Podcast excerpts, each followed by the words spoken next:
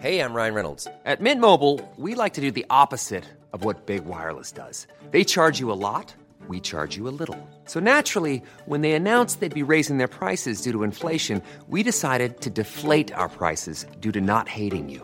That's right. We're cutting the price of Mint Unlimited from $30 a month to just $15 a month. Give it a try at mintmobile.com slash switch. $45 upfront for three months plus taxes and fees. Promo rate for new customers for limited time. Unlimited more than 40 gigabytes per month. Slows. Full terms at mintmobile.com. Hiring for your small business? If you're not looking for professionals on LinkedIn, you're looking in the wrong place. That's like looking for your car keys in a fish tank.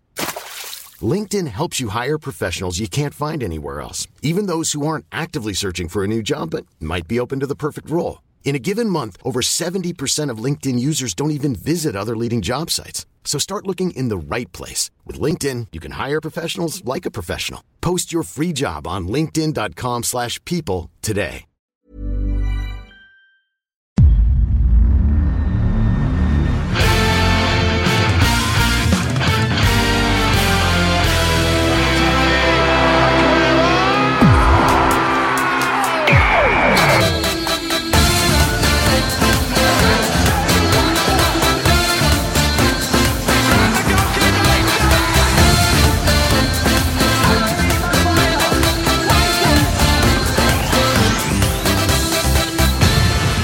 Då säger vi hjärtligt välkomna tillbaka till ett eh, nytt avsnitt av Rule Britannia. Det är eh, söndag den 15 oktober. Det är mitt i landslagslunket. Men eh, Rule Britannia rullar vidare Fabian. Och där fick du några rospiga, raspiga R som ni hånade mig för hela gårdagen på Solvalla. ja, ja det, är ett, eh, det blir tjuvland. Så, så är det. Det är inte ofta man som östgöte får passa på, men när man får chansen då, då, då måste man ta den. Ja, ja, men det är bra. Hur, eh, hur är läget med det? Jo, men det är bra. Eh, du är inne på att vi besökte Solvalla igår, så man, är, eh, man, är, eh, ja, men man har landat lite efter gårdagen. Första gången man var på Solvalla som vi, som vi gjorde tillsammans med, med ATG, där vi hade en, en hel dag tillsammans med Tuttosvenskan-gänget. Och det var, ja, men det var en jävla dag, Robin, eller vad säger du? Nej, men alltså verkligen. Äh, det var ju en äh, helhetsupplevelse och det var ett otroligt liksom, arrangemang och, paket där snyggt uppstyrt från ATG och mycket mycket av det material som eh, filmades kommer ju komma ut eh, via ATGs kanaler och eh, via Tuttosvenskan framförallt såklart också. Och tandem-trav, Josip Ladan mot Fredrik Arnesson bland annat. Jag vet inte om vi ska spoila någon, någon vinnare där, men det var favoritseger va? Enligt, eh, enligt hur jag förstod att eh, oddsen hade satts innan. Ja, nej, men exakt. Nej, men det, var, det var riktigt underhållande och vi fick eh, passa på att åka startbil också på ett lopp och se hästarna väldigt, på väldigt eh, nära hand. Och eh, kvällens, eller dagens, eh, ja, men, det man såg fram emot var ju när Adriatica, Thomas Wilbacher och Daniel Olenklint som gästade vårt förra avsnitt häst skulle springa ett, ja, men, dagens största lopp och eh, lyckades ju vinna. Så jag tror att de flesta som följer oss har sett scenerna när vi firar den, den, eh, det här spektaklet. Nej, det, var, det var häftigt och liksom man, eh, man förstår att hästsporten i Sverige är, är stor för vilken, vilken skärm det finns i att följa det med sina vänner på det här sättet. Ja men verkligen, jag tycker vi kan väl... Eh, vi, vi hade ju fått eh, fantastiska platser eh, från ATG där så vi, vi såg ju verkligen upploppsrakan fantastiskt. Och vi kan väl, vi kan väl lyssna lite hur det, hur det lät från vårt, vårt gäng där när Adriatica klev på och gick förbi och segrade i Oaks Destiny.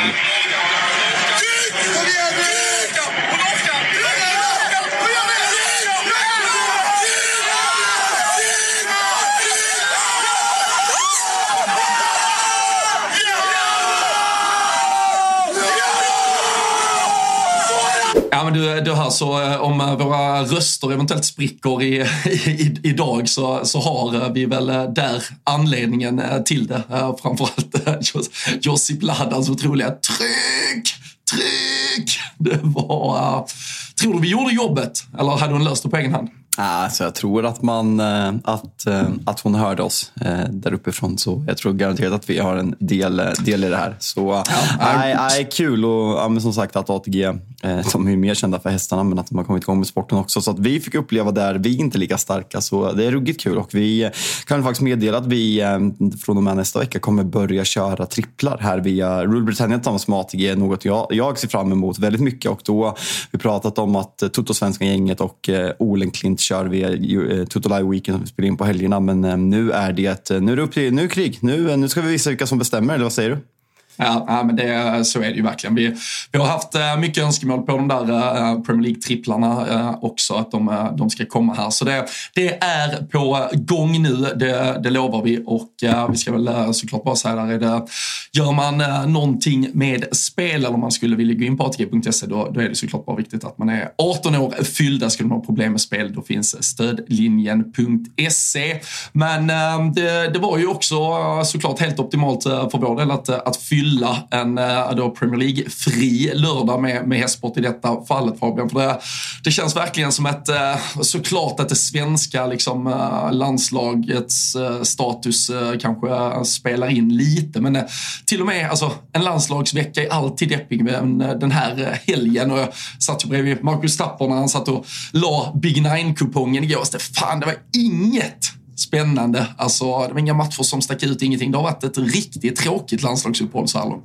Mm, ja, men jag, eh, jag som United-supporter, ska vara helt ärlig, jag tyckte att det har varit ganska skönt att bara kunna koppla bort allting och det var skönt att gå in i det med, med liksom, eh, de två målen som McTominay gör på övertid så att man har lite studs i dojan och går in med det. Men fan, det, det har varit ganska skönt. att så Jag kan tycka, ibland tycka att man, man, man känner att landslagsfotbollen blir på något sätt påtvingad på de här uppehållen för att man ska se det för att det är någon Sverige-match och sen någon Englands-match. Men nu som du säger det känts ganska iskallt på alla, alla platser egentligen. Alltså England är typ klara och spela lite träningsmatcher. Det liksom, ja, men försöker liksom komma igång.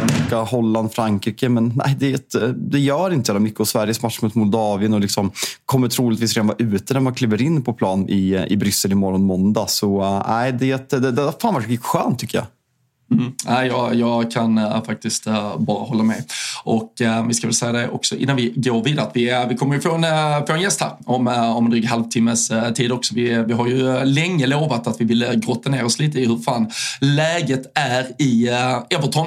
Och jag tycker tajmingen är perfekt nu här när vi dels från Daniel Jolenklint fick höra här i förra veckan att det är ju ett Everton som trots allt har underliggande siffror som vittnar om att de kanske borde ha mer i sig och dessutom dessutom då har vi ju ett derby, Merseyside-derby på lördag klockan eh, 13.30 också. Så, eh, så Per kommer in här vad det lider. Men, eh, men kring United där Fabian så har det ju varit mycket snack istället vad som sker vid sidan av planen ägarsituationen där det av eh, allt att döma från de eh, rapporter som kommer ut nu eh, är ett läge där den ja, Qatar-investering som har legat på bordet, där ska man ha dragit tillbaka det budet och istället så den Jim Radcliffe som länge också har varit kopplad till ett eventuellt övertagande ska istället kanske ligga närmast till att nu istället kliva in i klubben. Och som jag har förstått här, och du får väl reda ut annars så är det ju med en investering motsvarande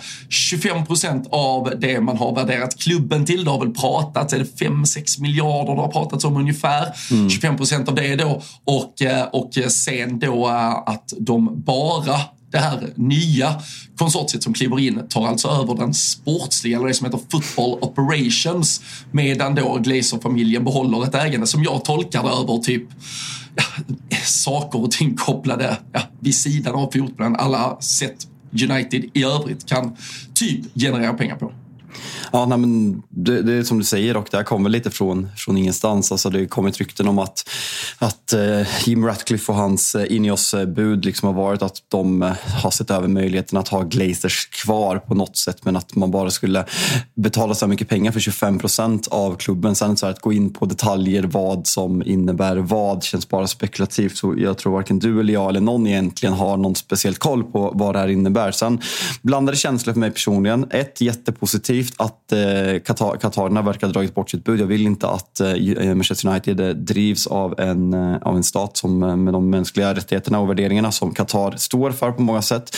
Sen samtidigt så var det stora med den här försäljningen med att, som jag verkligen har stått bakom, full sale only. Jag vill inte ha kvar de parasiterna till amerikanska Glazers ägare vid någon, någonting med Manchester United att göra. Och det här tyder på att även om eh, Ineos och eh, Ratcliffe kommer liksom ha hand om sporting operations så kommer Glazers-familjen och syskonen äga fortfarande 75 procent av klubben, vilket är nej, men en mardröm. Och jag, jag tror inte att de här eh, 25 procenten... Alltså jag, jag, vet inte, det, det blir så spek spekulativt. På ett sätt är jag jätteglad om det liksom blir så att han tar över och liksom kan sätta en prägel på, på klubben. Och liksom, eh, sen ska han köpa det, de här 25 procenten och sen ska han lägga sina pengar på arenan, på, på träningsanläggningen på, och liksom sätta en... Ska han bara gå in och ta bort alla? Jag, jag, jag vet inte. Ena, e- ena sidan av mig är jättepositiv och jätteglad och andra är bara what the fuck, vad kommer ske? Jag vet inte.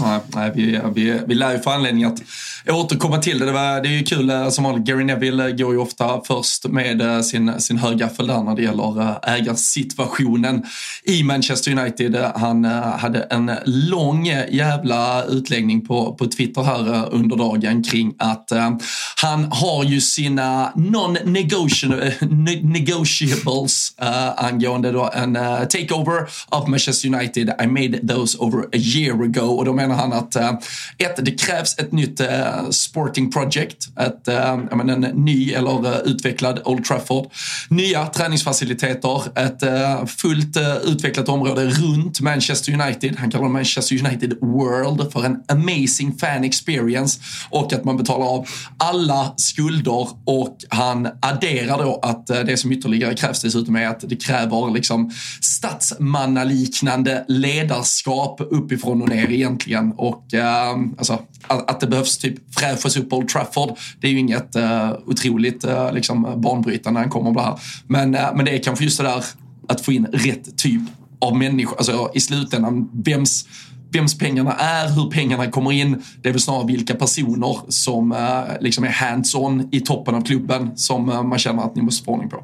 Exakt, och det är det här som är liksom en, en ganska ja, men, svag debatt gällande det här. Kanske framförallt alltså dels från vissa Manchester United-supportrar som inte har kunskap i vad som problemet är och sen även från, från, eh, från andra supportrar som liksom säger att ja, men, kolla Glazers har spenderat det här och det här på spelare. Jo, men det är samtidigt deras, deras eh, uppdrag som, ehm, som i, i ledande positioner att se till att man får en, att man får en sportslig ledning som kan konkurrera på världsnivå, vilket Manchester United inte har haft under de senaste 10-15 åren. Eh, Sir Alex Ferguson och David Gill liksom smetade över där eh, från 2005 till 2013 när, eh, när de eh, lämnade. Och sen har det visat sig 2013 att eh, det inte varit tillräckligt bra. Så eh, det ska bli kul att se sen. Alltså, och Ratcliffe som redan är inne i eh, Nice eh, bland annat. Så det är, liksom, det är inte bara positiva saker som sägs om honom i, i Nice och även i andra klubbar han har varit involverad i. Så att han ska komma från ingenstans och liksom vara världens bästa ägare och liksom sätta allt, alla saker på rätt plats direkt. De är också svårt att tro. Men samtidigt, jag vill ju vara hoppfull och så här, på något sätt vill jag ändå se glädjen att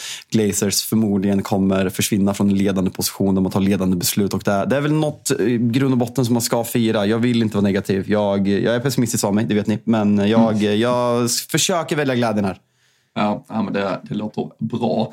Och uh, vi, vi kan väl konstatera att uh, Scott McTominay uh, tog, tog med sig den där uh, storformen från, uh, från avgörandet på Old Trafford uh, förra helgen in till det skotska landslaget. De har gjort en uh, otrolig uh, kvalvända här fram tills att man då uh, mötte Spanien nu i veckan.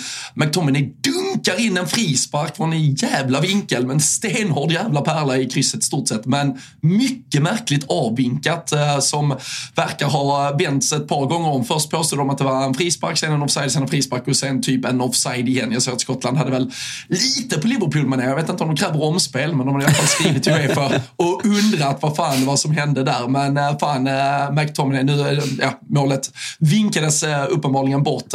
Skottland förlorade där, de har fortfarande ett bra utgångsläge att ta sig vidare men fan McTominay bara fortsätter att leverera alltså.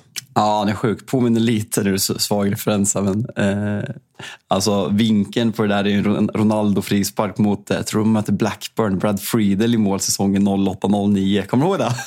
Nej, jag, jag minns det. Jag tänkte mer uh, alltså, Tony Kroos Sverige, Jimmy Domas ja, incident. Ja. Men alltså, det, det, det är en annan typ av avslut, men, men vinkeln är väl lite åt det hållet. Ja men exakt. Jag, jag kikar Skottland. Skottland har alltså, de är fem poäng före Norge med två matcher kvar. Så det ska mycket, väldigt mycket till att de ska, ska missa det där. Så det är häftigt att Scott McTominay fortsätter leverera. Det, det var något som man inte såg komma. Sen samtidigt så ser man ingen plats för i Manchester United. Jag kan inte se honom starta. Eh, så uh, sälj, gå vidare. Jag, eh, jag eh, tycker verkligen han förtjänar det. Så det är kul för honom om det, om det blir så. Mm.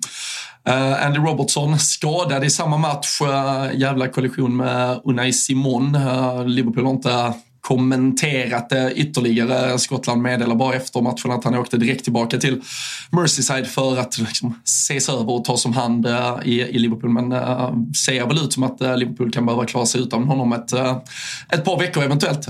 det, det kan ju vara allt från någon axel som har smält ur led till någon fraktur på någonting eller till och med ett nyckelben skulle väl vara det värsta. Då, det ska för det första göra jävligt ont som jag har förstått det att bryta nyckelbenet men håller väl också honom borta ganska länge.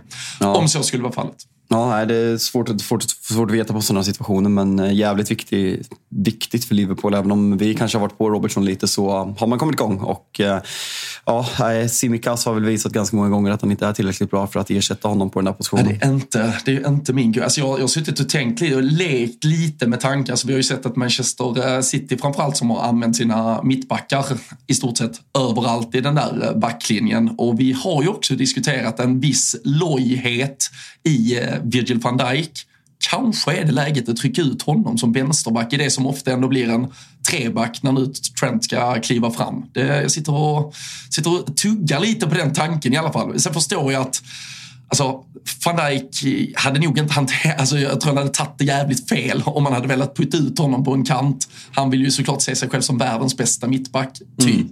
Och eh, det, jag vet inte om det hade gått, men jag tror framför laget, alltså den vänsterfoten i den positionen. Det är Trent som trycker på mycket mer. Du ska ändå stanna ganska mycket med de tre backarna. Du får in alltså, ganska bra löpstyrka ändå. Du kan spela både han och Kunate då till ja, bredvid bas en, eh, eller en mittback då innanför dem eh, när du ställer upp det i trebacken. Så mm, det kommer ju såklart inte hända. Men, men men uh, hör vad jag säger i alla fall. Jag, jag kommer ihåg, jag var, så lite, drömde jag när du sa det här till mig igår eller sa det? Eller hade det varit mycket på hästfokus där, där tillsammans med ATG på Solvalla? Men jag, ju mer jag tänker på det här så gillar jag tanken. Men såklart, det kommer inte ske. Men jag tror att van Dijk hade gjort det bra och kunnat centrera mer den där trebackslinjen och flytta upp Trent på ett mer naturligt sätt för att, eh, och för att tajta tillbaka. Jag tror att det blir bra. Såg förresten nu att Gary Neville är alltså han har alltså kopierat hela den här taken han har på sin Instagram. Och vet du vad? Han har skrivit “My take from LinkedIn this morning” och sen printat sin LinkedIn.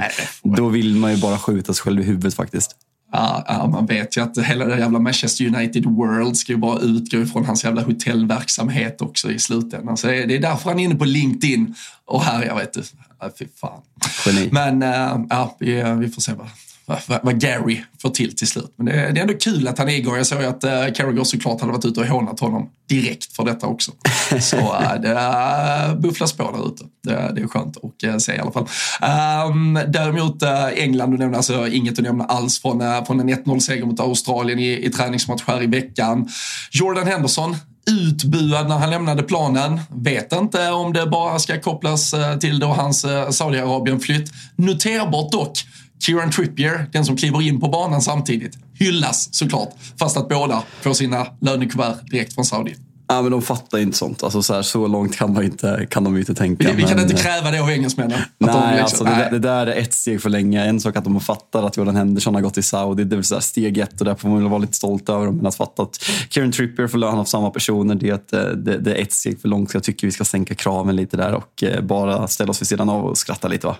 Ja, ja, men lite så är det väl. Sen var det, sen var det som, eh, som eh, någon eh, uttryckte att, alltså, för nu var ju Southgate ute och försvarade Henderson och, och menade, för, för han antydde just att det handlar om hans flytt och hans, hans val och så vidare. Men, men jag tror också, alltså, nu hade vi ju förra samlingen där Harry Maguire var den som var i ja, men i, i eh, skottgluggen för, för kritiken från eh, de egna fansen och sådär. Alltså det finns ju också övriga likheter med, med Maguire och Henderson. Det är ju kanske att folk inte tycker att de är så jävla bra på fotboll också. Så det kanske inte bara handlar om vad de eventuellt gör vid sidan av planen alla gånger. Utan det är kanske också bara ett, test, äh, ett sätt att visa missnöje mot varför de här spelarna på rena alltså fotbollsmässiga grunder tas, tas ut och inte, och inte så mycket mer kanske.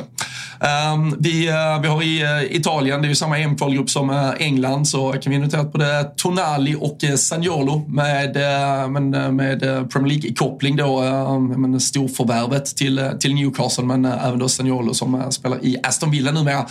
Lite spelskandal, lite trubbel. verkar väl ha med Betty eller kasinospelande att göra som jag har förstått det, så det ska inte vara, alltså, röra sig om att de har spelat på matcher och så vidare. det är väl fortfarande lite ut, otydligt där. Det är ju någon Eh, polisutredning som är igång. Men hemskickade från den italienska samlingen och eh, det kan väl absolut få lite följdeffekter kanske i eh, deras klubbmiljö också. Ja, nej, men det blir eh, intressant, att intressant i fel ord, men jag är så jävla trött på att det händer så mycket saker utanför fotbollen. Det är liksom, man, eh, man, I grund och botten så vill man ju podda för att prata fotboll, men det känns som att den här säsongen slår alla världsrekord i, i andra saker med nya, nya ägandestrukturer och eh, dik, diktaturer som äger klubbar och eh, Harry Maguire-spelare och, eh, ja, men, eh, och så vidare. och så vidare. Det finns liksom inget stopp. Så eh, vi, vi följer med helt enkelt och rapporterar såklart vad som, vad som kommer ske här när vi, när vi vet mer om Saniolo och Tonali. Ja, men det gör vi. Till, eh, till det fotbollsmässiga och eh, Premier League-kopplade så kan vi konstatera att eh, Jong-Min Son blev utsedd till månadens spelare i eh, september och eh, att eh, Ange Postosoglu äh, eh, blev utsedd till månadens tränare i september. Vunnit både augusti och september. Första tränaren någonsin att i sina två första månader i Premier League, uh, han uh, har ju inte tränat på den här nivån tidigare, vinna priset historiskt där. Men uh, det är väl ganska rättvist, eller vad tycker vi? Son hade ju en otrolig septembermånad. Han, han gjorde ju, vad gjorde han till slut? Sex mål tror jag. jag tror, jag tror han gör sex mål, ja. Tre mot Burnley, två mot Arsenal, ett mot Liverpool. Så det är ändå, mm. ja men så här, det är inga lätta Jo, det är i och för sig Burnley och Sheffield United han möter, men även Arsenal och Liverpool så det är imponerande. Måste bara gå tillbaka. Alltså Tonali har alltså spelat på en sida som heter worldgame365.me och Saniolo har enligt rapporter spelat på en sida som heter evos9.fx-gaming.net. Båda sajterna är illegala enligt rapporter. Det är ändå, det är ändå stökiga sidor. Ja, ah, herregud. Alltså vad sysslar de med? Ja, jag tyckte, ja. jag tyckte Kulusevski uttalar sig, fan, han uttalar sig alltid eh, klokt nu för tiden. Det, det är en, eh, ja, men eh, fan, han är något unikt i uh, fotbollssammanhang, men uh, han pratar ju också om just det där.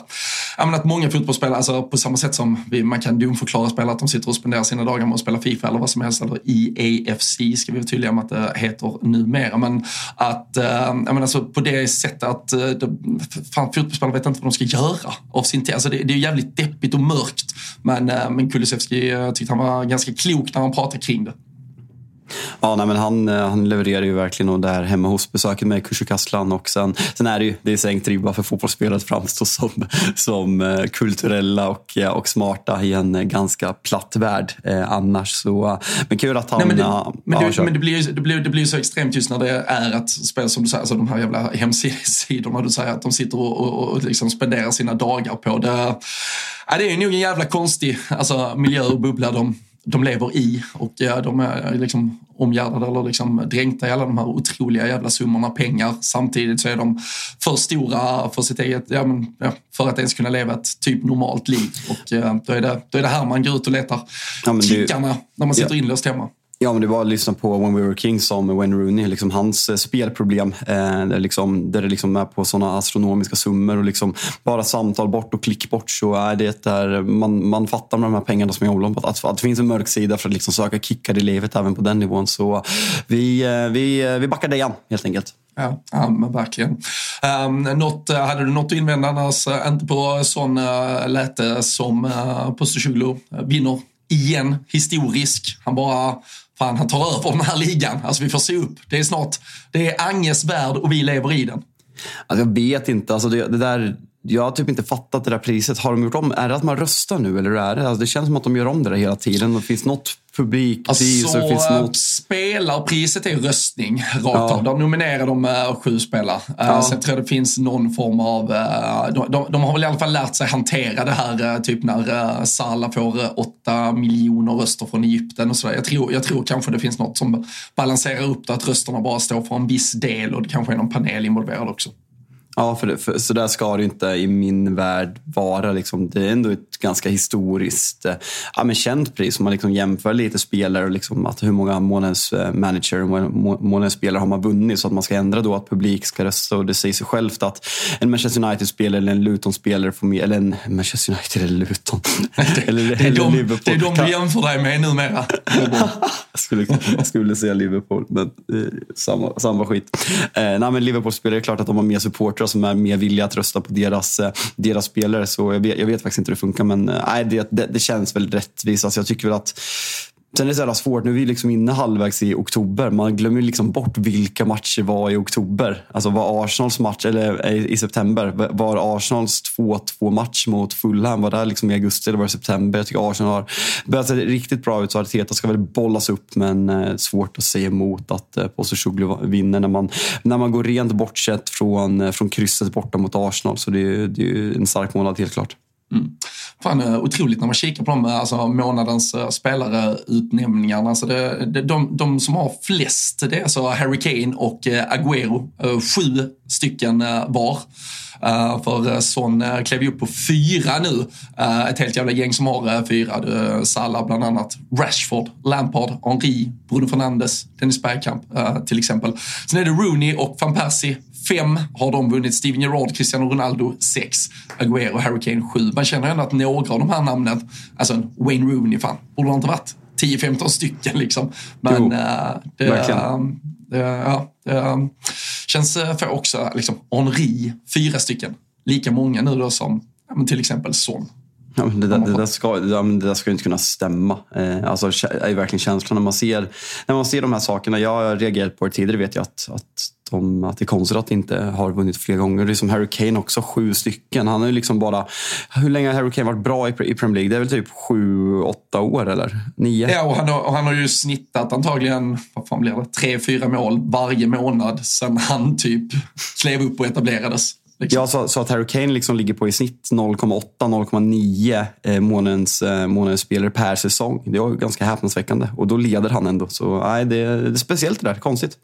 Ja, ja nej, så är det. Eh, vi, eh, vi ska väl eh, göra, göra lite plats här eh, i vårt, eh, vårt eh, kära rum som vi kallar Rule Britannia. Vi ska prata med Per Malmqvist stolt om Evertons ja, säsong så här långt. På tal om ägarstruktur och situationer ska vi verkligen prata den också. Jag vill bara fan skicka med ett litet tips till folk i dessa landslagstider när man kanske känner att fan, något som har Premier League-anknytning och kan få mig lite känslosam på något sätt måste jag få in i mitt liv. Och eh, jag tänkte bara, har du, har du läst eh, Giovanni Reinas eh, Player Tribune i dagarna som har kommit?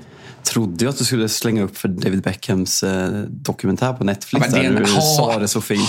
Ja, men alltså, har vi inte pratat till, inte, vi, vi kanske inte har pratat tillräckligt, men har inte alla prata. Alltså den, är liksom, den har stulits lite från oss fotbollspoddare. Alla ja. pratar David Beckham-dokumentär. Ja, men de gör det så jävla bra Netflix. Alltså, de får ju folk som inte gillar fotboll. Det är som de gör med liksom Drive to Survive. De får ju folk som hatar F1 att tycka att det är världens bästa dokumentär för att det är så fruktansvärt bra gjort. Och sen är han världens finaste människa? Och jag orkar inte att folk kommer. Han är sponsrad av Qatar. Jag säger, är han världens finaste människa?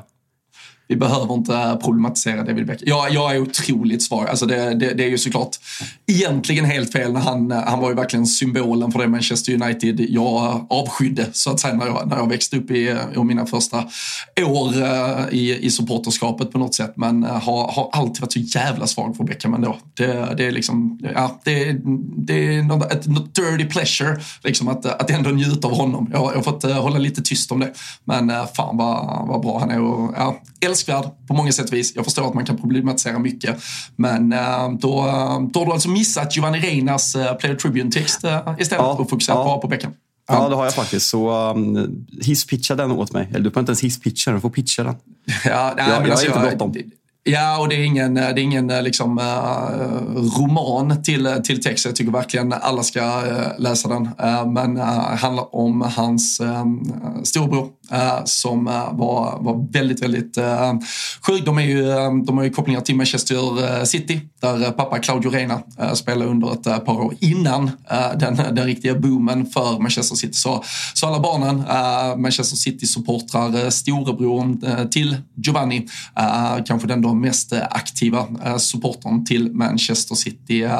Blev väldigt tidigt i barndomen allvarligt sjuk och när, ja, men, i, i bara tio år ålder ungefär så eh, var, han, eh, var det så illa så att eh, det snarare var en tidsfråga. Det, det handlar om, liksom, inte om om utan när han till slut inte skulle orka med att, att överleva längre och då, då skriver Reina hur han, det, det börjar han med hur han vill tacka. Han önskade att han ändå hade fått stå på samma plan som eh, Sergio Agüero och eh, få säga tack till honom. Nu, nu fick han inte den chansen men det här var ju någon form av tackbrev till honom för eh, när Aguero Agüero gör det där målet som såklart ni United-supporter kanske mest drömmer mardrömmar om och, och avgör med 3-2 målet mot QPR, det, det berömda. Så äh, det, det är liksom den sista med glädjestunden någonstans i hans liv. Från, från ingenstans, han kunde i stort sett varken gå och prata, röra sig i slutet när han var så, så sjuk som han var. Men när Agüero trycker in 3-2 målet, då ligger alltså Giovanni Reinas bror på golvet och bara skakar och skriker till slut. Och eh, av ren och skär lycka och de, de tror liksom, vad fan är detta, är detta typ slutet, är det här det tar slut? Men eh, han, han hämtar, han lyckas få liksom en, ja men någon form av eh, alltså, kick och glädje som, som var helt otänkbar, som inte skulle gå egentligen. Och eh, sen då bara några veckor senare så, äh, så avlivar han, äh, avlivar han och äh, går, går vidare i, i, i livet. Men äh, det, var, äh, fan, det var så jävla fint. Alltså, supporter ska just, alltså, ja, fan, det, det är inte så att det, det, kan, men att få med sig de bilderna av äh, ja, men, vilken glädje det kan ge folk. Det, det, var, det var så jävla fint. Jag, jag pitchade inte alls tillräckligt bra heller. Så man, man måste det jävla, det, Man blir så besviken på sig själv när man ska pitcha ja, saker. Ja, ja, men, alltså, men den, är, den är från, jag är inne nu, den är från 20, 20, 2020 eller? Ja, men det vet jag, ja, jag vet inte, jag, han delade ja. den eh, bara för några dagar sedan. Ja, okay, ja, inte, den, den har kommit in i mitt medvetande alldeles okay. nyligen. Så, så har man, nej, det, har man ska... missat den, så um, in och läs. Den ska vi absolut läsa. Eh, ska vi ta in Per och prata lite, lite Everton? Du, det tycker jag att vi gör. Så uh, häng kvar så uh, kopplar vi upp uh, Per om en sekund. Ryan Reynolds här från Mint Mobile.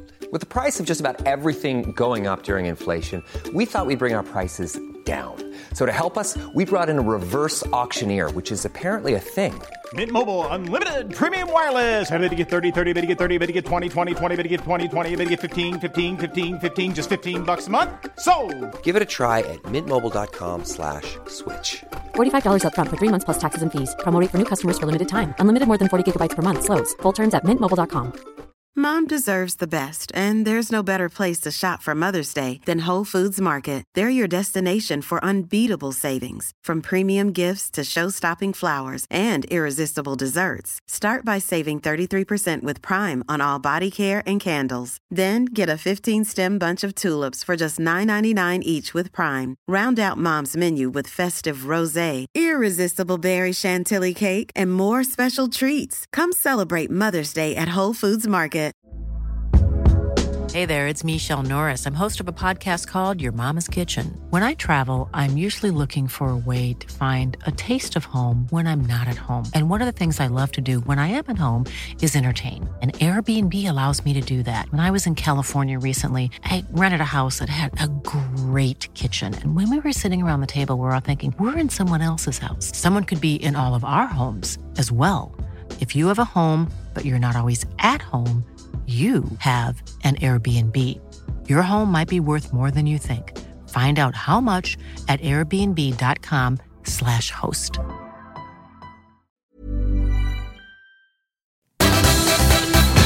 Ja, men då eh, äh, kliver vi äh, eh, in eh, i uh, den uh, andra andningen av uh, detta härliga avsnitt och vi öppnar gästdörren återigen och denna gången så är det äntligen en blå lillebroder som kommer in och kliver på här i Rule Britannia-studion. Det är Per Malmqvist, stolt Everton-supporter.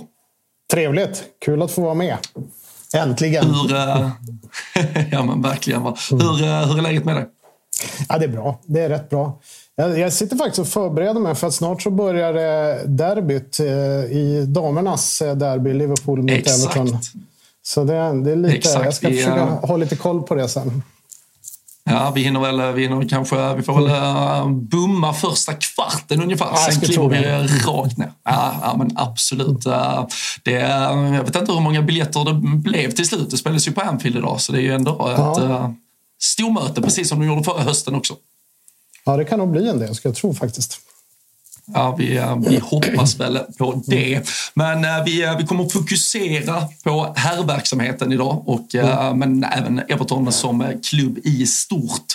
Och mm. ingen är väl bättre än du på att guida oss igenom var, var Everton befinner sig just nu och var man eventuellt ska kunna komma att befinna sig längre fram. Vill du, vill du lite kort för lyssnare bara redogöra för vad du har för någon relation till Everton och hur du ja, men både konsumerar Everton mm. och ja, men, tar, tar del av allting idag? Alltså jag har en rätt lång relation. Jag är ju uppvuxen med Tipsextra, slutet på 70-talet, under hela 80-talet. Så jag tog väl till Everton till mitt hjärta någon gång där i slutet på 70-talet så har jag några minnesbilder. Jag såg några matcher. Jag kommer ihåg Bob Blatchford, en ytter som heter Dave Thomas och så liknande. Och sen så tog det väl fart rejält någon gång 1981. Det var faktiskt ett derby mot Liverpool i FA-cupen när vi vann med 2-1 och en viss Imre Varadi dominerade. Jag trodde han skulle bli bäst i världen, men det blev han inte. Men då var jag, bara, jag var bara tio år då, så det var, det var så. Men då tog det verkligen fart. Och sen dess har jag liksom följt Everton egentligen i vått och torrt. Och, eh, skriver en del om Everton på Svenska fans. Eh, men även också om nostalgi. Alltså fotboll från förr gillar jag också, så det håller jag också på att skriva rätt mycket om. Men hur är, hur är Per, eh, liksom Evertons svenska supporterscen? Alltså det är ändå ett ganska framgångsrik, mm. Eh, framgångsrikt lag stundtals delar av 80-talet. Men mm. känslan är liksom, alltså jag känner en del Everton-supportrar, men det kryllar ju inte av dem om man jämför liksom med, med, med mm. den röda grannen på andra sidan parken. Hur, hur ser det ut och vad, varför är det inte större då man ändå liksom borde varit ganska ja, men alltså, när man är bra på 80-talet så många 70-talister borde ju vara kanske mer populära än vad man är egentligen. Jag håller med och jag funderar på det där en del. för att Just också när Tipsextra var som allra mest populära, säg att det var runt 78 där kring. Då gjorde Everton några kanonmatcher. För det, det var ju inte så många matcher man såg per säsong överhuvudtaget. Så det, det räckte ju med att man gjorde en bra eller två bra matcher. Sen så kunde det fastna hos flera och så spreds det där vidare. Bland annat vann man 6-0 mot Coventry och liknande. Det var Bob Latchford och hela det gänget. Men det fastnade ändå inte. Och sen när vi var som allra bäst, det var ju då kanske ja, det var ju då i mitten av 80-talet. Och då var det ju faktiskt lite på dekis med engelsk fotboll. Man tyckte väl att eh, dels hade Hazel gjort att man hade stängt av eh Eh, man blev avstängda från Europa. Eh, man börjar tycka att man ska sända mer tysk fotboll och så, och så vidare. Så jag, jag, kan tänka mig att vi hamnar i den svackan lite grann. För jag tycker att det är förvånande, för det är ju faktiskt en av de klubbar som har visats nästan mest gånger i, i Tipsextra och alltid funnits där. Och, eh, vi borde ha en större supporterskara i Sverige än vi har. Vi kan inte jämföra oss med Liverpool och Manchester United. Jag menar, Liverpool, vad har ni? Ni har ju ni har ju liksom 20-30 000 supportrar. Vi, vi, vi, har 600 drygt organiserade och bland det tror jag vi är kanske bland de... Ja, om man supporterklubbsmässigt svenskt så, så är vi åtminstone 10, 10 i topp i alla fall. Men det är ju liksom mm. milsvid skillnad. Ja, det känns inte som man... Man träffar ju inte en 13-åring eh, som springer runt med en Everton-tröja nu heller. Återväxten och nya supportrar känns lite halvjobbig. Ja, vi är ju en, en eh, traditionsrik klubb och vi är ju lite stolta över det också. Men det gör ju också när vi åker på... Vi, nu var vi nyss på medlemsresa och det var ju 80 pers som var liksom på Merseyside, svenska supportrar och så här. Den är rätt populär. Eh, men det är ju det är mycket medelålders och lite äldre. Sen har vi faktiskt våra barn. De, börjar ju, de, de ärver ju det här eländet då, som, det, som det kan kännas just nu. Så att det finns ju några. Men det har ju alltid varit så. Jag var ju, jag var ju alltid ensam Everton-supporter eh, överallt där jag fanns. Det var ju först när internet kom man kunde hitta andra. Det, så har det ju alltid varit på den vänster. Mm. Om eh, du eh, skulle göra någon form av eh, ganska enkel enkel, kanske lite förenklad eh, liksom, mm. lägesanalys av eh, Everton så här hösten 2023 eh, bara för att sätta lite ja, men puls på hur man mår. Vad, alltså, jag förstår att det är väldigt mycket så vi ska prata förutsättningar med ny mm. arena, mm. nya ägare och så vidare. Men bara hur, hur har de här två senaste säsongerna, liksom, det har dansats verkligen på lina kring det där strecket och med nöd och näppe lyckats lösa kontrakt. Hur skulle du säga att klubben och ni då 80 supportrar som åker till Merseyside och sitter och snackar runt pubborden. Vad, vad, vad, vad, vad är det ni diskuterar kring, kring laget? Hur känner ni kring laget just nu? Ja, just där var det som innan matchen mot Luton så var vi väldigt positiva. Vi hade två bra matcher bakom och jag, jag kommer ihåg att det snurrade eh, tips om 6-1 och liknande. Så förlorade vi mot jumbon som tar sina första poäng i Premier League, eller första tre poäng i Premier League. Så att, men det är typiskt Everton. Så är det. Annars mår klubben rätt dåligt och vi fans mår ju också rätt dåligt. Eh, det är ju egentligen i första hand så eh, kommer allting från eh, ledningen. Det finns ingen fungerande ledning idag i Everton. Farad Moshiri är ju på väg att sälja klubben, men det kommer ju ta månader innan ett sånt köp har gått in. Vi vet inte riktigt vad de nya ägarna är och vad de vill. Um, och det känns lite som att han skulle ha sålt, sålt till vem som helst, för han har liksom bränt sina skepp lite grann. Uh, vi har dessutom en Bill Canwright som har funnits med i styrelsen jättelänge, som är svårt sjuk i cancer och vägrar att släppa taget om klubben och är också extremt impopulär. De andra i styrelsen har ju lämnat. Sen har det kommit in nya. Och det ser man också de senaste årens värvning av manager. Det är ju det är så olika typer av managers man har värvat och så har man då köpt in så olika typer av spelare. Så det finns liksom ingen strategi, det finns ingen grundläggande idé, det finns liksom ingenting. Så därför, det, alltså Sean Dice, det hade vi ju för fyra år sedan så hade vi tyckt att det var en idiotisk idé att han kommer in. Nu känns det nästan lite grann som en lättnad. För vi, vi behöver något att hålla fasta vid. Någon, någon, någon grej. Och Sean Dyche vet man åtminstone ungefär hur han tänker och hur han jobbar. Så att, eh, vi måste stabilisera oss. Och att åka ur för Everton. Everton har ju bara varit ute sammanlagt tror jag, fyra säsonger. Man var ju med och bildade ligan 1888. Och efter det så har man åkt ut två gånger. En gång på slutet på 20-talet och så på 50-talet och sammanlagt fyra säsonger. Så det vore ju en enorm katastrof. nu är det två säsonger på raken som har varit jättenära. Så klubben mår rätt dåligt. Men, men gällande det här Per, som du säger, alltså om vi går tillbaka mm. om det är fyra år när eh, Carlo mm. Ancelotti mm. eh, tränar klubben och ni leder, ja. väl, mm. ni leder väl ligan efter fem, sex omgångar där ja. eh, och möter. Liverpool något, eh, i något Merseyside Derby. Mm. Men alltså, mm. där du säger, alltså jag som håller på Manchester United, jag känner igen mig lite i liksom den. Där du pratar om ägarna. Liksom, för man kan ju titta på spenderade pengar och där är Everton väldigt högt upp. Men är det liksom, om du ska peka på en sak, är det liksom den att man värvar liksom, nu kommer en tränare, nu värvar man spelare som han vill ha och sen så helt plötsligt Exakt. sparkar man honom och sen så är man kvar där och bara så här, vad fan vill den här klubben? Och vi har ju kollat på den här startelvan, ja, men både förra säsongen och även den här säsongen. Så här, mm. ja, men det där mittfältet är ganska bra, det är en ganska habil mm. backlinje. Alltså den där så, truppen mm. ska inte åka ut, men det har ju varit problem med mm. målskyttet också. Sen kan man kolla på, liksom, ja, men, innan, innan Beto kom in nu, Calvert Lewin med sina skadeproblem, mm. så här, vem ska göra målen? Man, bara, så här, man fattar inte riktigt tanken. Nej, det var, och det, det, alltså, dels det här olika managers, det är ju så tydligt. Och de har köpt olika ty typer av spelare också. Och vilket gör att man får ingen sammanhang. Och Det som är, är problemet är besluten som tas. Farad Moshiri har ju tydligen gått in rätt mycket själv och kunnat ta beslut. Rätt snabba beslut. Ibland han påverkas av fansen. Everton har ju en rätt jobbig grupp av fans. Med mycket, det har ju, det, ni känner igen det från era klubbar. Med mycket åsikter. Det kan bli rätt hårt tryck. Och han har ibland fallit för det. Ibland har han skitit i det.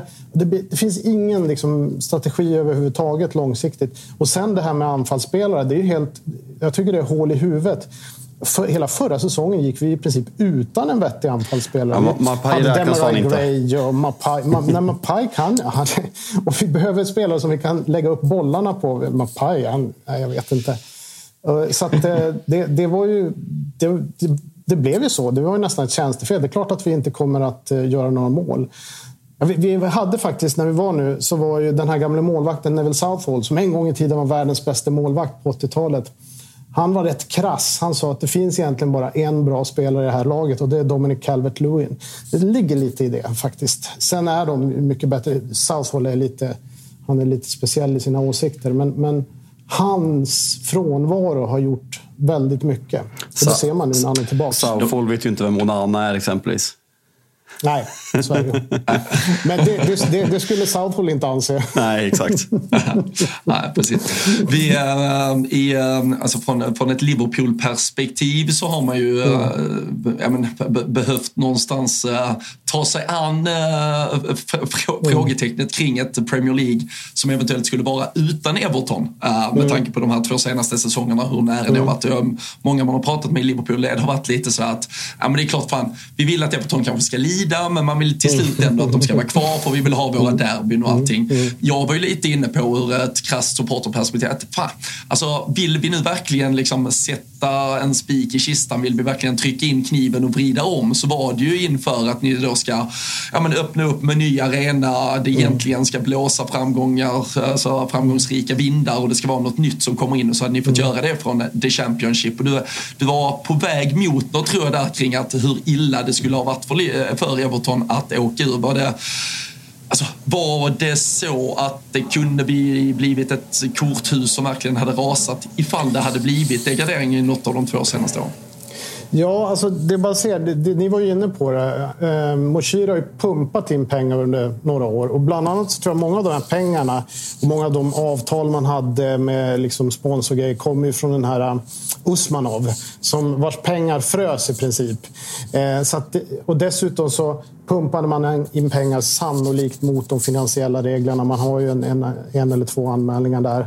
Inte lika många som Manchester City, men, men några stycken som ligger vilande. Så att nu är ju liksom pengarna också slut.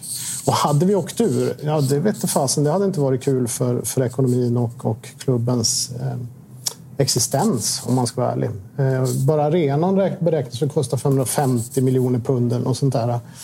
Och så har man ju satsat nästan 700 miljoner pund på spelarköp. Jag tror man har fått in kanske 400 eller något sånt där av det. Men det är, ändå liksom, och man går back jättemycket varje år. Så att, eh, nej, det, det, det är allvarligt. Så är det. Mm hur, eh, vi har pratat väldigt mycket om eh, vilka otroliga slagpåsar de här nykomlingarna har blivit den här mm. säsongen. Framförallt ett Burnley som var ganska uppskrivna inför och där man kanske kände att de skulle kunna äh, ganska enkelt undvika nedflyttningsstrecket. Nu har vi mm. verkligen tre nykomlingar som ligger fast förankrade där nere i botten med ett Bournemouth dessutom involverat där. Hur hur rädd är du att Everton går en eh, ny strid om eh, bottenplatserna till mötes eller eh, känner du att det är tillräckligt många lag som är tillräckligt dåliga för att ni ska kunna andas ut lite tidigare den här säsongen? Jag tror du är inne på rätt spår där. Det, det, finns helt enkelt flera väldigt dåliga lag och det tror jag kommer att bli vår räddning. Jag tror med, med en frisk Calvert Lewin, de här senaste nyförvärven har sett rätt bra ut ändå som jag tror passar in i Daesh bygge så kommer vi att kunna liksom, eh, vi kommer att kunna kämpa oss till en eh, plats där vi inte åker ur. Jag, tror faktiskt det. Det är inte det som Lampard. När Lampard kör, det kan liksom, då kan det bara allting falla och man tappar allting. Eh, Daesh kommer nog inte att släppa till på det sättet. Eh, så att jag, jag, tror att, framförallt på grund av att de andra är tyvärr inte bra. Jag, det, det, kommer vara rätt stor skillnad på botten och eh, övre alltså, mitten övre delen på Premier League i år, har en känsla av. Alltså det, är väldigt, som du säger, det är väldigt uppdelat. Alltså det är ju de nykomlingarna, sen får man räkna in alltså Everton där, Bournemouth som jag snackade upp inför mm. säsongen tycker jag ser riktigt usla ut. Eh, mm. och, eh, och sen Wolverhampton. Eh, så det är liksom sex mm. lag där och där. Alltså ska något, Sheffield United och Luton har jag verkligen svårt att se det. Om Burnley ska spela den fotbollen alla snackar om att de ska göra, men än har de inte visat någon, någon, nån typ av det alltså här i, eh, överhuvudtaget. Så jag, jag tror att det blir Evertons räddning. Om man kollar på, om man kollar liksom, jag vet inte om du lyssnar på vårt förra avsnitt, men vi hade Daniel Olenklint som jobbar mycket med, Mm. med betting och eh, pratar underliggande siffror. Kollar man på Evertons underliggande siffror den här säsongen så är det ju inte så jävla dåligt som man kanske kan, ja, men, som man kanske kan känna när man lyssnar på diverse poddar och man läser liksom media och sådana saker. Och man, alltså framförallt XG offensivt där man ska snitta nästan Mm. 1,84 mål per match, vilket är riktigt, Mm. riktigt bra. Alltså vad vi som kanske inte har sett alla Evertons matcher eh, har det varit bättre än vad man kanske blir bedömda för. Jo, det har det varit. Och det är väl det som gör att man känner sig lite... Det var därför vi blev så besvikna när vi var hela, alla 80 personer skulle se Luton. Då tänkte vi att nu, det här kommer ju bli bra, men det blev det inte. Men att det, det har liksom, ja, exakt. Det har blivit bättre. Spelet ser bättre ut. Det ser ut som det finns en idé. Man skapar ändå... Vissa, nu har ju liksom Daesh en, en, ett sätt att spela som gör att till exempel yttermittfältarna oftast går ner som någon form av extra ytterbackar och så vidare. Så att det, det, vi har ju svårt när vi ska föra matcher. Men fortfarande så skapar vi ju ändå en del chanser. Det, det är just där att vi ska sätta dit dem. Men nu börjar ju Dominic Calvert-Lewin komma in i det hela. Jag tycker att det har blivit bättre och bättre egentligen ju, ju längre säsongen har, har gått. Och det har inte gått så enormt länge hittills av säsongen. Det börjar ju bli liksom nu. Men, men ändå, det, jag tycker det ser bättre ut rent spelmässigt. Sen ska vi få dit bollarna också. Det, det är väl det centrala.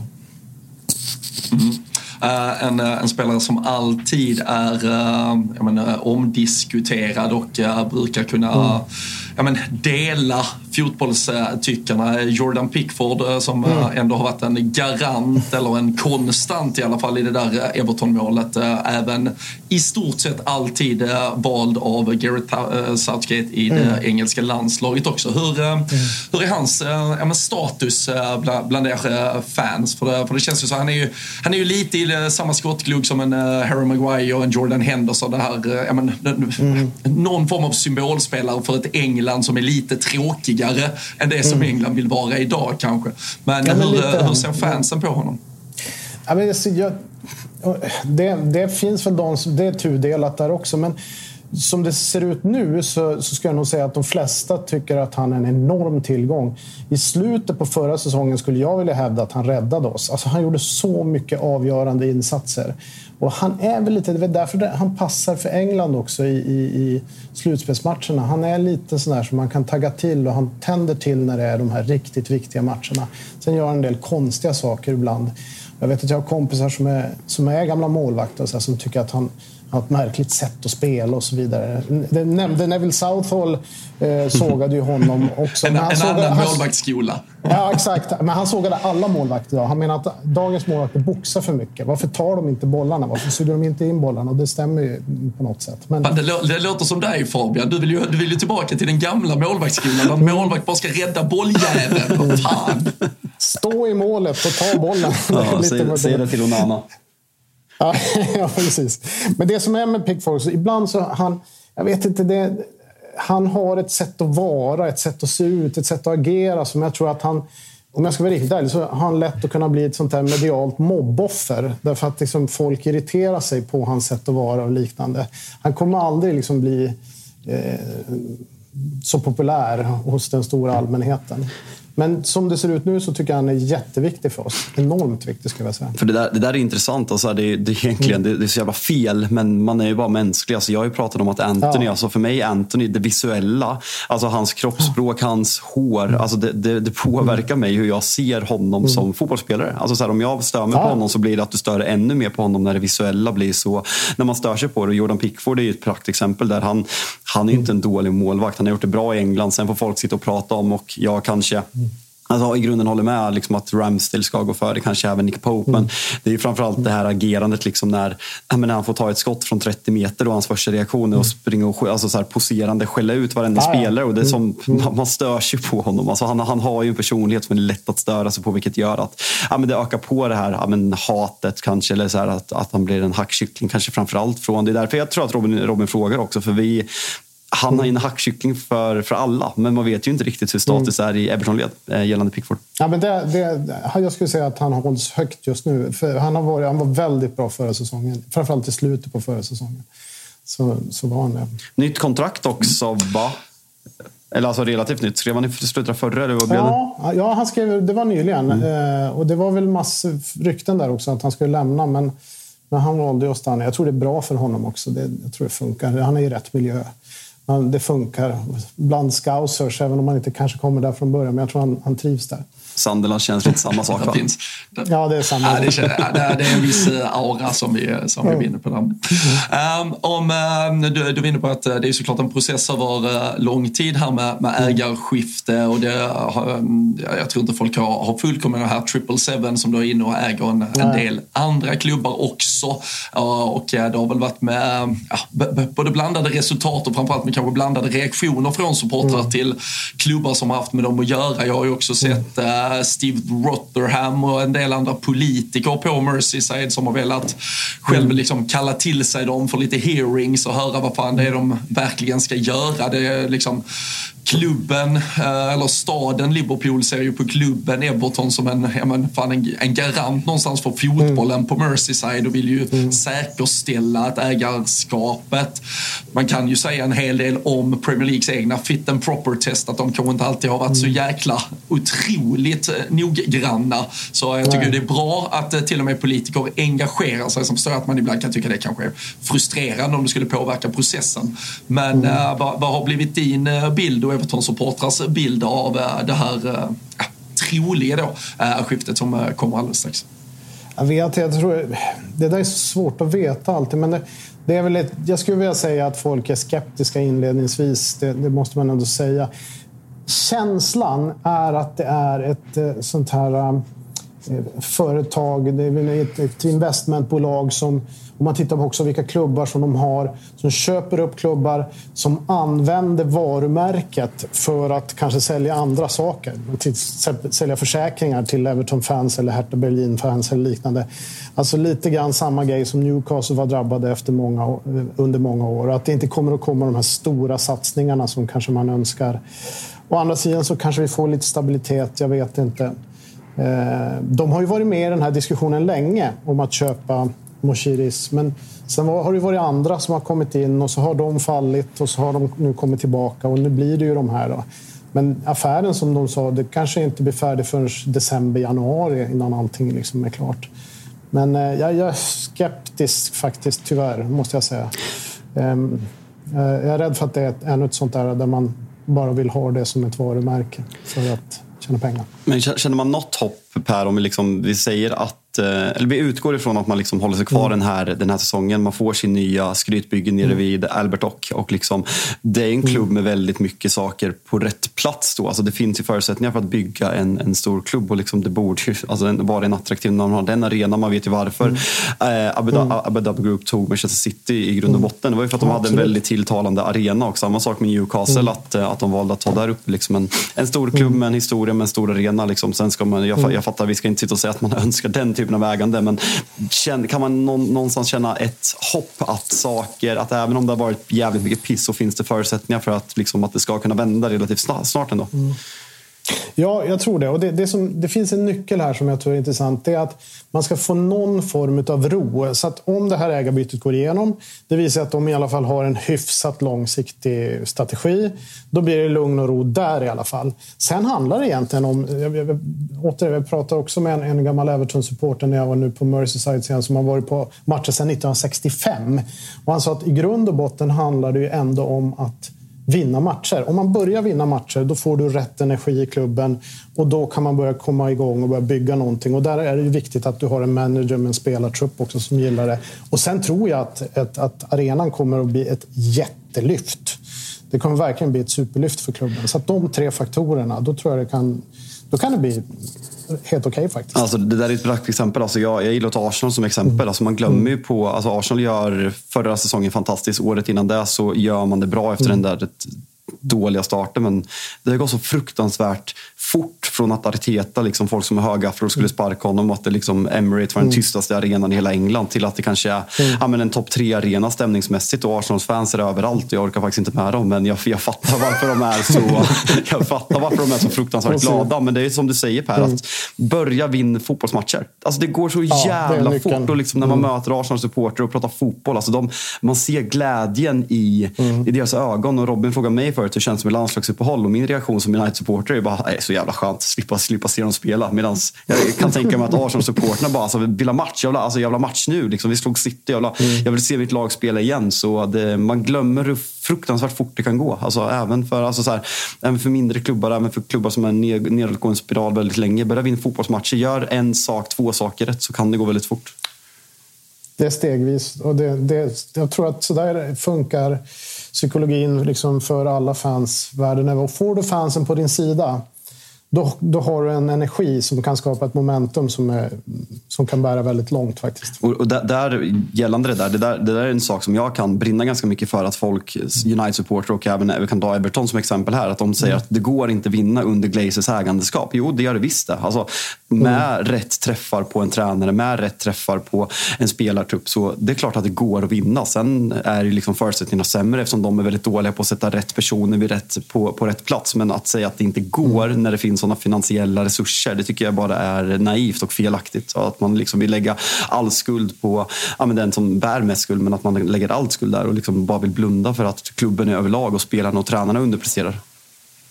Ja, men det, och det är viktigt liksom att man att man ser att alla, alla delar har sin roll. Sen i Evertons fall har det varit så oerhört dåligt från ledningssidan så att det blir ju liksom då, då genomsyrar det hela klubben eh, på det sättet. Och det sabbar också för, för eh, olika managers möjligheter. Det gör det.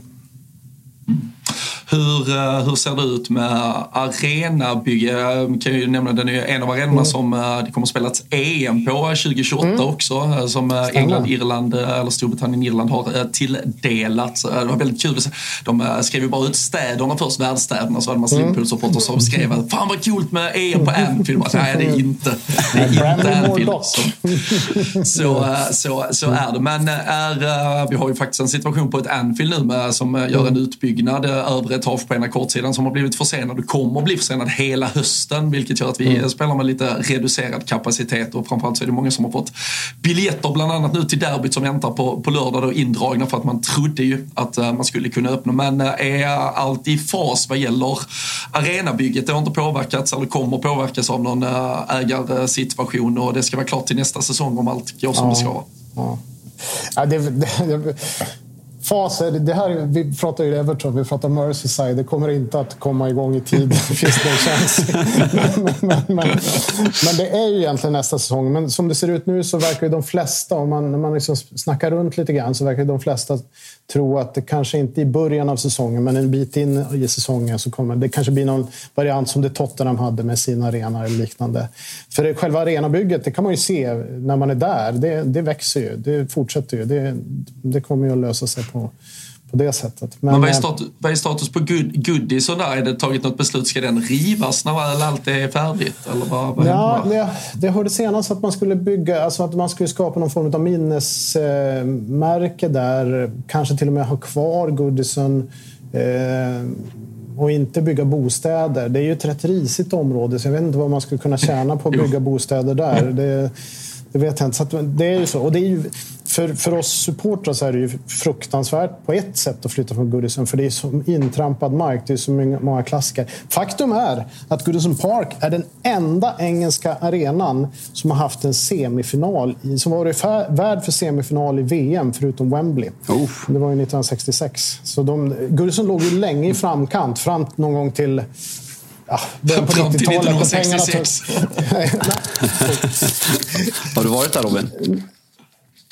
Uh, jag har varit uh, en, en halvlek har jag sett på Goodison Park. Uh, Everton, Everton Watford för tre, fyra år sedan. En måndagsmatch innan Liverpool skulle spela Champions League på tisdagskvällen. Ah, okay. Så då, då kom jag över. Så, så Ken Sema flyga fram längs kanten på Watford. Sen, mm. sen gick jag hem i paus. Mm. Ja, men det, det, är ju liksom en...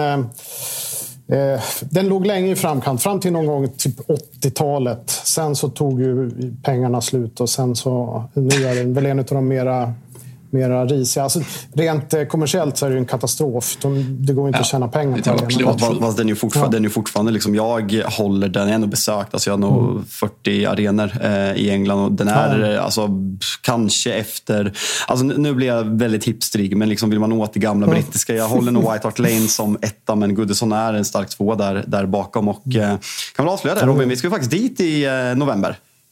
Ja, just. Det ska jag. Ångestmötet Everton-Manchester United. Ska vi damma? Vi kör en liten poddresa så det ska bli riktigt Ja, kul att, göra. att se den en sista gång. Jag har faktiskt varit där två gånger. Sett, eh, jag tror Ja. att eh, Everton mötte West Ham typ säsongen 2000, Mm. 2008. Och sen nu måste jag skryta över mitt eh, fotbollsöga här. Är du med nu Robin? Jag såg, eh, kommer fan inte ihåg vilka de mötte, FA-cupen 2015, nej 14 i januari, första mötet. Everton vinner med 2-0. Jag ser en 18-åring eller 18-årig eller 17-årig John Stones. Så jag säger till min, eh, min kompis som håller på Everton som jag, som jag träffade i Norrköping. Vem är det där? Han kommer bli otroligt bra. Snyggt. Ja. Jag har ju sagt att du kan dina mittbackar. Jag går ju alltid till när jag vill lära mig något om mittbackar. Så det, det, det är hur bra som helst. Vi, äh, och så, vi kan väl flika, det blev ju en otrolig helg där faktiskt. Det är ju Manchester City-Liverpool på, på lördagen. äh, den där helgen i slutet av november. Och så Everton-Manchester United på, på söndagen. Så det blir äh, Manchester och Merseyside för oss om äh, lite mer än en månad. Men äh, derby Kul. väntar på lördag, Per. På äh, Anfield äh, och äh, Liverpool äh, har väl ja, blandat gett resultatmässigt äh, senaste tiden. Samtidigt fått, fått ordning på rätt mycket och har ju sett äh, starka ut. Och äh, samtidigt vet vi Derbyn, de äh, lever fan alltid sina, sina egna liv och äh, det spelar typ ingen roll om ett lag ligger sist och ett lag först. Vi vet att det kommer vara en jävla kamp där ute. Hur, ja, men hur blickar du fram mot det här derbyt och är det ett Everton som, som kan komma till Anfield och ställa till det? Nej, det tror jag inte. Nej, det, alltså, det, det är, ehm, alltså det, jag, ser, jag ser inte fram emot derbyn mer. Det, det, det är så många besvikelser genom alla åren så det, det är bara jobbigt. Jag har varit faktiskt och sett några som, som har varit hyfsade. Som har, på Gurusat, eller ett har jag varit sett. Eh, som, som var bra. Det slutade oavgjort. Men nu, eh, det är, jag tycker att det skiljer så jäkla mycket mellan de här lagbyggena. Och vi har sällan chans mot ett Liverpool som är mycket bättre än oss. Det är något mentalt i det. Däremot så brukar vi, när, när, på de, de gånger som vi har varit ungefär lika bra, då, då har vi haft liksom chansen. Men det är någonting mentalt. Jag tror att om man skulle titta på statistiken på derbyn så så är den ju fruktansvärd sett utifrån Evertons perspektiv. Särskilt på senare, senare decennier. Ja, men jag vet, eh, eh, det, var- det, var- det var i något sammanhang någon, någon tittade lite på det där just det, alltså överlägsna derbyvinnare. Jag tror det var på tal om, vi, vi snackade Juventus-Torino av alla jävla matcher för ett par veckor sedan. Och så, så pratade man alltså, vilka är egentligen de mest överlägsna eller ensidiga resultatmässigt här? Och Liverpool-Everton är ju faktiskt där uppe. Eh, ni, ni tog ju den där segern på Anfield eh, under uh, pandemisäsongen. eh, var väl det va? Och eh, innan dess är det väl 99 tror jag ni har en seger också. Så det är ju Ja, det- en eller två då på 25 år på Anfield ungefär.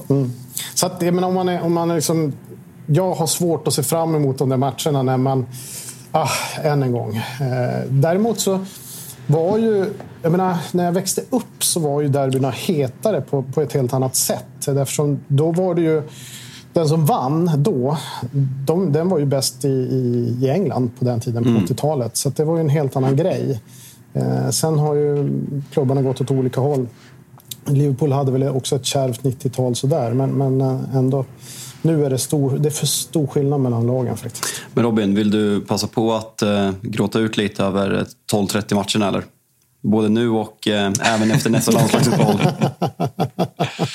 Ja, det var ju på nä- nämnda match där, eh, City eh, mot eh, Liverpool, så, så blir det ju en eh, 12.30 engelsk tid av eh, spark eh, efter landslaget. Så Liverpool har ju fått alla 13.30 avsparkarna efter landslagsuppehåll den här hösten. 14 stycken sedan Klopp tillträdde. Tvåa på listan, Tottenham med sex sådana avsparker. Så det alltså, man, vet, man vet ju att det sitter någon på kontoret och bara okej, Klopp gnäller mest av alla över detta. Låt oss trycka till honom. Uh, och uh, fan, det är ju, jag såg det är Uruguay mot Brasilien natten mot onsdag. Argentina spelar natten mot onsdag. Colombia natten mot onsdag. Det är ju Luis Diaz, Darwin Nunes, Alisson och uh, Alexis McAllister är ju i, i spel för sina landslag till fram då till uh, tidig onsdag morgon. Är väl på plats på Merseyside torsdag. Så det, Men fan Robin, har... det är väl jag, det som ska vara er lilla chans. jag missade, hörde lite rykte på stan. Alisson har blivit petad eller? Det är helt sjukt. Ja, men mycket med. Men det har alltid varit otydligt i det där uh, brasilianska landslaget. Ja. Alltså, det är jättemärkligt att inte... Alltså, Alisson borde vara så dundergiven etta. Så det är, men ja, låt han vila för min del. Ja, absolut. Nej, jag var bara chockad när jag hörde. Alltså, det, viktiga är att de kommer tillbaka skadefria. Det är ju det man, Eller är det skadade, man eftersom det gäller Liverpool. nej, jag sa inte det. Ja, Nej, men nej, det, det är fint att... Det det var länge sedan jag såg fram emot ett derby. Men, ehm, och speciellt när det är sån där tidig avspark. Jag tycker man tappar lite grann av känslan eh, då. eh, Faktiskt. Man vill ha en Ja, sen avspark. Alltså framförallt när man är på plats. Alltså man, man hinner ju knappt in på puben när den har öppnat Nej. bara och så är det svepa två bärs typ och sen gå på match. Det, det ska vara lite mer uppladdning än så. Uh, så ja, Men, ifrån men, Per, innan vi, eh, vi... Vi ska ju som sagt... Vad, vad ska vi göra innan, eh, innan en Ever- Everton-match? Eh, Har du några tips där? Ja, ja, oh ja. Det finns massor. Vi, eh, för det första, alltså jag kan bara ta min egen ritual. Den är ju lite... Eh, ofta om vi, är, om vi är fler svenskar där, då brukar vi samlas på Thomas Frost som ligger liksom eh, Walton Road eller Country Road. Jag vet aldrig när de går över i varandra, men det ligger där länge. Det är så stort, det är en Weatherspoon-kedja. För Då får man plats allihopa och några till och så är det liksom tjockt med folk. Och så käkar man där. Eh, sen börjar, går man upp mot arenan och då brukar jag gå till Royal Oak som är då på hörnet där, eh, uh, Spellow Lane. Där brukar vi, man ta någon öl. Man kan inte gå på The Winslow som ligger mitt emot arenan för det är så tjockt innan match. Då måste man gå dit väldigt mycket tidigare. Så ibland när jag varit där och sett kvällsmatcher, då går jag dit liksom ett par timmar tidigare och tar en öl. Men det är ju den riktiga Everton en riktig Everton-pub. Sen hinner man inte så mycket mer, för jag brukar vilja gå runt arenan. Jag älskar liksom gå runt Goodison Road och liknande. Och gärna upp i... Det har ju en kyrka där i hörnet. St. Luke's. Och där har man på... Eh, där har man, säljer man också ehm, eh, memorabilia. Everton är ju, eh, jag tror att Everton har ju en förening där man har lyckats samla ihop jag tror det är den bästa memorabiliasamlingen i hela Storbritannien. Eh, och eh, bland annat så finns det då eh, men folk som kommer till den här kyrkan och säljer sina grejer. Så du kan köpa hur mycket böcker och tröjor och sånt där som helst. Så kan man strunta i de här klubbshopparna som är så extremt kommersiella och där de aldrig säljer böcker som jag tycker är kul att, att läsa. Eh, Så dit brukar jag gå och sen så brukar man ta någonting snabbt och äta där. Något sånt här typiskt brittiskt. Jag gillar ju de här äckliga hamburgarna där de har stekt lök på. ja. Stekt lök, Det är så jävla fint. äckligt, men jag kan inte låta bli det. Alltså jag, jag har ju... Brödet är så jävla dassigt också. Ja, alltså jag, har ju, jag brukar käka chips and gravy utanför arenan. Och det är också Ja. i grund och botten Ja. så jävla äckligt. Alltså, så här, överfriterad pommes på utsidan med rå inuti också. Bara jävla massa gravy. Nej, det är otroligt. Ja, men det, det är sådana grejer som man vill göra bara för att man ska göra. Men sen mycket att gå runt och känna. Det finns ju också en... De säger att det är någon medlemsklubb. Det är det Langs Goodison Road. Det är en, tror det är en vit fasad um, mittemot arenan som är någon sån här... He, De säger att det är medlemsklubben, det säger svartklubb. Men där sitter typ gamla spelare och såna här personer som känner de gamla spelarna. Bland annat den gamla människan Howard Kendall, han hade tydligen e-, en egen stol där inne. Så de satt, satt och liksom, så ser man ibland hur de liksom kommer ut från den där. Jag brukar stå och vänta och så ser man hur de trillar ut en efter en.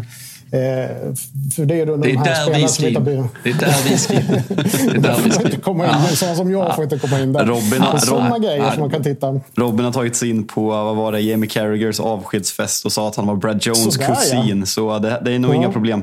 Nej, bror. Ja, bror. Låt, låt mig vara tydlig. Brad Jones brorsa. Funkade perfekt. Lite självförtroende. Lite självförtroende och eh, ett par enheter in så är det bara att kliva på. Så, Ja, det eh, funkar. löser. Men, så, det, där, så, det funkar ju med det på Merseyside. Man har ju alltid det. Jag, jag har en kusin som är kusin till den som är där. Så kan du fixa det här åt mig? Ro- Robin är Jordan Pickfords men bror.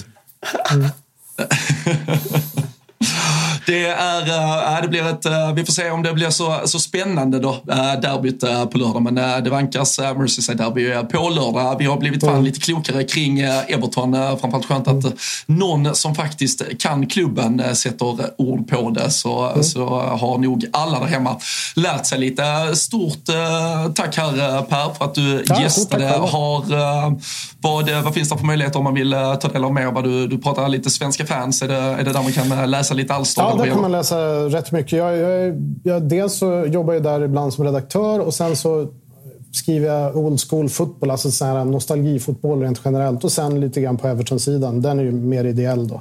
Men där finns jag dagligdags kan man säga. Ja, härligt. Underbart. Mm. In, och, in och läs Per där. Stort mm. tack för att du gästade. Rule Britannia är fasen, snart tillbaka igen. Vi rullar på med avsnitt, det vet ni, två avsnitt i veckan. Oavsett om det är landslagsuppehåll eller vad det än är. Måste det är ju måste ju reko måste ju rekommendera här också. Eh, en bok. Tips extra. Klubbarna, matcherna, ja. spela, spelarna. Skriven av Per Malmqvist. Eh, stolt se här när, eh, när jag googlar lite. Så den måste vi rekommendera folk att köpa. Ja, det kan. Och det, det kan jag bara säga lite kort. Det är de 15 mest visade klubbarna i Tipsextra som jag tar upp. Liverpool är visad flest gånger såklart. Tillsammans med Manchester United, så ni har en delad detta där. Eh, men, eh, och då tar jag upp lite grann förhistorien. Jag tar faktiskt ut bästa laget från den perioden också. Tips var ju 69 till 95, så det är väl där. Och det är väl egentligen då mitt eh, intresse falnar lite under 90-talet. Nu har den växt upp igen. Jag tyckte om det som alla tyckte var tråkigt, 80-talet, det gillade jag. ja, det, det låter bra det. Äh, men som sagt, äh, in och äh, följ Per. Äh, titta in vad, vad det är för äh, böcker han äh, har då också mm. på sitt CB och ta del av det. Rule Britannia är tillbaka snart igen. Vi kommer med ett midweek-avsnitt där vi blickar ännu mer fram emot vad som väntar till helgen. Så håll utkik i era poddspelare. Vi säger stort tack för att ni har lyssnat idag så hörs vi snart igen.